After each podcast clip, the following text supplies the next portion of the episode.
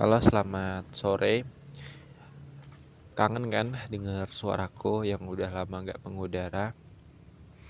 Ini aku rekaman ulang ya, soalnya tadi sempat kehapus, kepencet. Tapi nggak apa-apa. Dengan waktu yang cukup lama gitu, sekitar 15 menit lagi atau lebih, itu aku bakal cerita-cerita lebih banyak di sini. Buat kamu yang penasaran bertanya-tanya kenapa aku tiga minggu ini nggak upload podcast karena satu hal, aku pengen istirahat sebentar. Awalnya aku pengen istirahat total, kayak nggak buat podcast lagi gitu. Tapi kok rasanya sayang banget kalau nggak dilanjutin. Udah puluhan yang denger. Kalau podcastku sebelumnya kan lebih kayak cerita-ceritaku, lebih tentang diary hidupku. Nah sekarang Enggak, sekarang aku lebih kayak fokus ke kamu, audiens, nyelesain masalah yang ada di sekitarku dengan pengalaman yang aku punya gitu loh. Dan sekarang namanya bukan lagi Adnan bercerita, tapi lebih ke Anya cerita. Anya ini bukan nama orang ya, tapi lebih singkatan. Aman dan nyaman. Dan buat kamu yang mau kirim cerita, boleh kirim ke email yang udah aku cantumkan di podcast siapa tahu bisa jadi temen kita berdua dan cari tamu bisa aku bacain di podcast ini. Itu terus aku juga mau cerita sedikit tentang konsep podcastku ke depan gimana. Kalau sebelumnya kan sehari aku upload 5 episode dan itu singkat-singkat dengan durasi total setengah jam. Tapi kalau sekarang aku udah nggak kuat lagi kayak gitu sekarang aku seminggu cuma upload tiga kali. Insya Allah rutin di hari Senin, Rabu, dan Jumat. Sekarang hari Rabu. Begitu pula dengan karyaku di blogger Itu juga tiga hari. Tiga kali seminggu.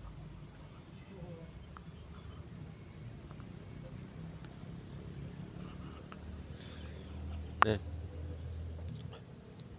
Kenapa aku uh, memutuskan untuk tiga kali aja seminggu karena capek pertama. Yang kedua aku pengen lebih kayak fokus pada kualitas sekarang. Jadi satu episode sekarang nggak cuma lima menit tapi bisa setengah jam bahkan satu jam. Dan moodku juga lagi baik-baiknya gitu loh.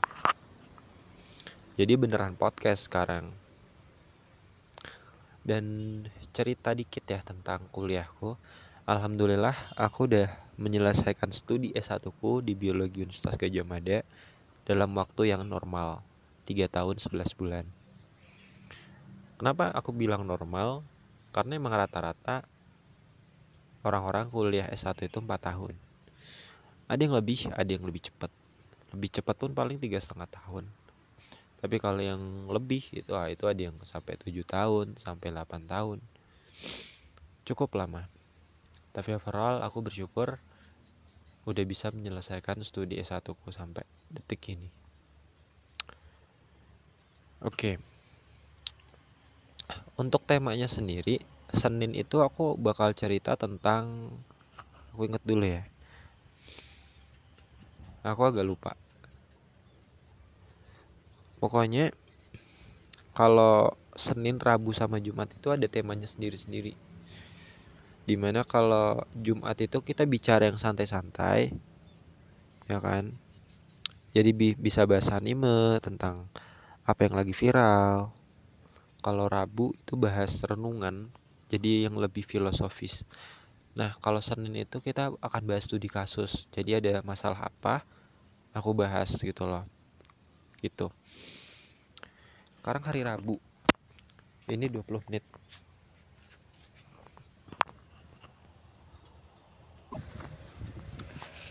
Oke, itu intronya ya. Kita mulai bercerita. Aku mau cerita tentang hal-hal yang ada di sekitar kita ya. Terkait uh, mungkin lebih kayak nasib orang-orang. Aku coba ambil kasus yang ada di dekatku yaitu tentang IPK. IPK itu indeks prestasi kumulatif. UGM itu kampus yang baik di Indonesia. bisa dibilang nomor satu lah gitu loh. Sedangkan di dunia itu termasuk 250 kampus terbaik di dunia. Gitu.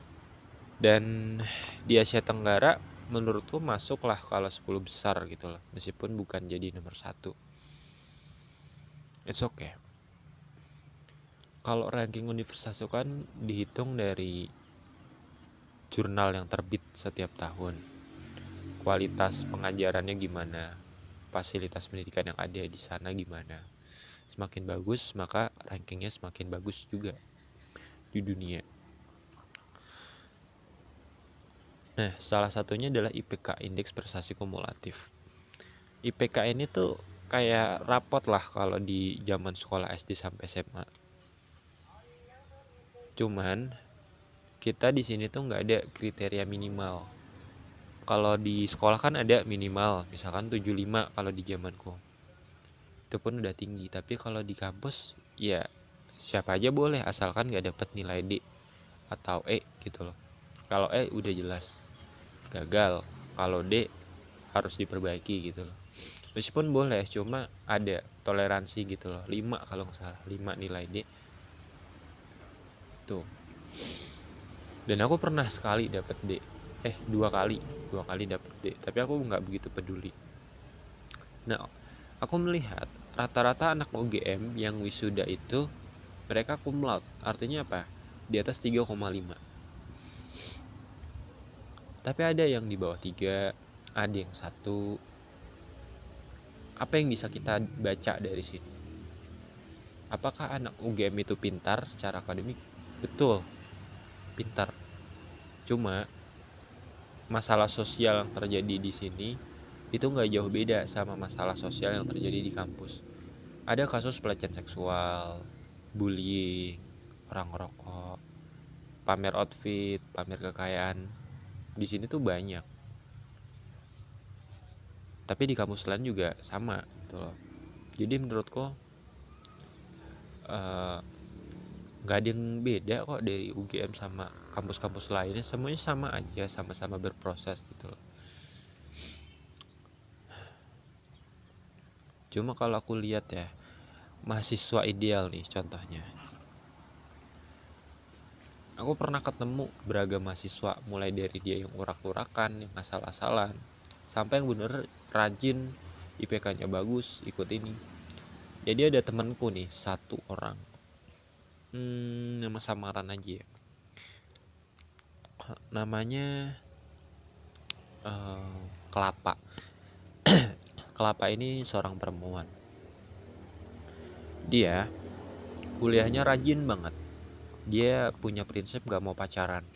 Karena dia pikir pacaran itu cuma ganggu fokus dia akhirnya betulan lah dia cuma rajin belajar uh, ikut organisasi secukupnya gitu. Karena dia dari awal tuh udah merencanakan aku pengen dapet IPK 4 aku pengen lulus cepat. Biar bisa kerja. Karena ternyata latar belakangnya tuh gini. Dia punya seorang adik kecil masih SD ya kan? E, cuma dua orang. Jadi dia anak sulung anak pertama e, otomatis kan kalau dia pacaran dia nggak serius belajarnya dia nggak bisa jadi teladan. Ada beban di pundaknya gitu loh. Jadi dari semester 1 eh, dia berusaha cari beasiswa dan dapat dia berusaha lurus cepat tiga setengah tahun dan dapat IPK 4 ikut organisasi dia secukupnya aja paling cuma satu dua. Dan dia tipikal orang yang nggak aktif di sosmed artinya kayak pengguna pasif gitu loh. Karena bener-bener dia fokus untuk belajar aja gitu loh. Nggak nggak caper di sosmed nggak nggak nongkrong nongkrong gitu. Artinya dia tuh nggak kayak anak lainnya gitu. Kalau anak lain kan ya kumpul di suatu kafe ngobrol cerita ini. Dia bener-bener full waktunya belajar. Kalaupun keluar keluar hanya untuk rapat organisasi gitu loh aku pikir itu suatu yang ideal ya. Bagus gitu loh. Tapi ada juga temanku di sisi lain IPK-nya nggak empat tapi sebut aja namanya Markisa. Dia cowok. Dia ikut organisasi secukupnya tapi sesuai passion. Dia juga ikut lomba meskipun gak banyak. Tapi dia juga rajin belajarnya. Bener. Dan dia punya pacar gitu. Pokoknya banyak lah tipe-tipe orang di UGM itu. Dan gak akan cukup kalau aku ceritain semuanya. Gitu. Yang jadi masalah di sini adalah ketika ada orang yang membanding-bandingkan dari satu sudut pandang tertentu. Misalkan ada orang yang kok di IPK-nya 4 ya? Aku cuma 3 lalu kita membandingkan oh aku bodoh nih padahal kita nggak pernah tahu apa sih yang dia lakukan supaya dia dapat IPK 4 kayak aku tadi. Oh ternyata dia benar fokus. Yang dia dapat akhirnya apa? Cuma nilai IPK 4 setiap perjalanan hidup kita tuh beda-beda teman-teman. Ada yang semasa kuliah benar-benar rajin belajar aktif di kelas tapi nggak punya pengalaman magang atau yang lain. Ada yang punya pengalaman lomba ikut magang nilainya biasa-biasa aja. Mungkin ada beberapa di antara kita yang aktif lomba aktif organisasi nilainya tetap aman. Tapi yang dikorbankan adalah kesehatannya. Yang dikorbankan adalah mentalnya. Kita nggak pernah tahu pengorbanan yang dilakukan oleh setiap orang. Makanya ya kita harus bersyukur atas apa yang udah kita lalui bolehlah IPK kamu di bawah tiga nggak masalah toh IPK bukan standar kecerdasan kamu IPK itu kan cuma menilai dari apa yang kamu kerjakan selama ujian, UTS, UAS, tugas dan sebagainya. Ya mungkin kamu nggak maksimal aja saat itu. Tapi kan sebenarnya kamu bisa, ya kan? Kamu pandai dalam hal lain, bertani, hasilnya selalu berbuah, berdagang, selalu ada yang beli. Kamu bisa punya attitude yang baik dan punya teamwork yang baik. Sekalipun hasilnya nggak begitu memuaskan tapi kamu selalu pengen belajar belajar dan belajar. Itu yang baik di zaman sekarang. Uh, jadi mau kita bukan dari orang yang berada mau kita cuma orang biasa kita makan ya cuma seadanya rumah juga nggak begitu bagus-bagus amat ya kan? Orang tua kita juga punya masalah pada umumnya. It's okay. Menurutku ya kenapa gitu harus jadi masalah? Karena semua orang itu punya masalahnya sendiri. Kita nggak perlu membanding-bandingkan lagi sama orang lain yang IPK-nya 4 yang udah punya kerja karena kalau kita membandingkan banyak yang bisa dibandingkan. Ayo ini kenyataannya. Temanku yang punya IPK 4 ada beberapa. Yang udah punya kerja ada beberapa. Yang udah keterima S2 di luar negeri ada. Kemarin aku nemu beritanya. Yang udah punya rencana nikah ada. Bahkan temanku ada juga yang udah pendidikan di S2 serius? Yang lulus tiga setengah tahun ada apalagi ayo pengalaman magang banyak. MBKM banyak. Ya enggak jadi kalau aku mau bandingin diriku sama temenku ya cuma aku yang hancur. Karena mau sampai kapan aku bandingin terus? Aku nggak ada waktu buat diriku sendiri kalau gitu. Aku cuma bisa mengeluh aku cuma bisa memendam iri dengki. Yang itu nggak ada untungnya buat aku. Jadi aku saranku kalau kamu merasakan apa yang aku sebutkan tadi coba deh renungi apa sih kelebihan kamu apa sih manfaat kamu untuk lingkungan? Terlepas dari nilai IPK rapat dan IQ atau apa pun itu apa yang bisa kamu berikan untuk dunia ini lingkungan ini keluarga ini? Itu aku harap ini bisa jadi periksa buat kamu. Terima kasih sampai ketemu di insya Allah Jumat besok. Karena ini masih pertama jadi ya mohon maaf kalau masih pendek durasinya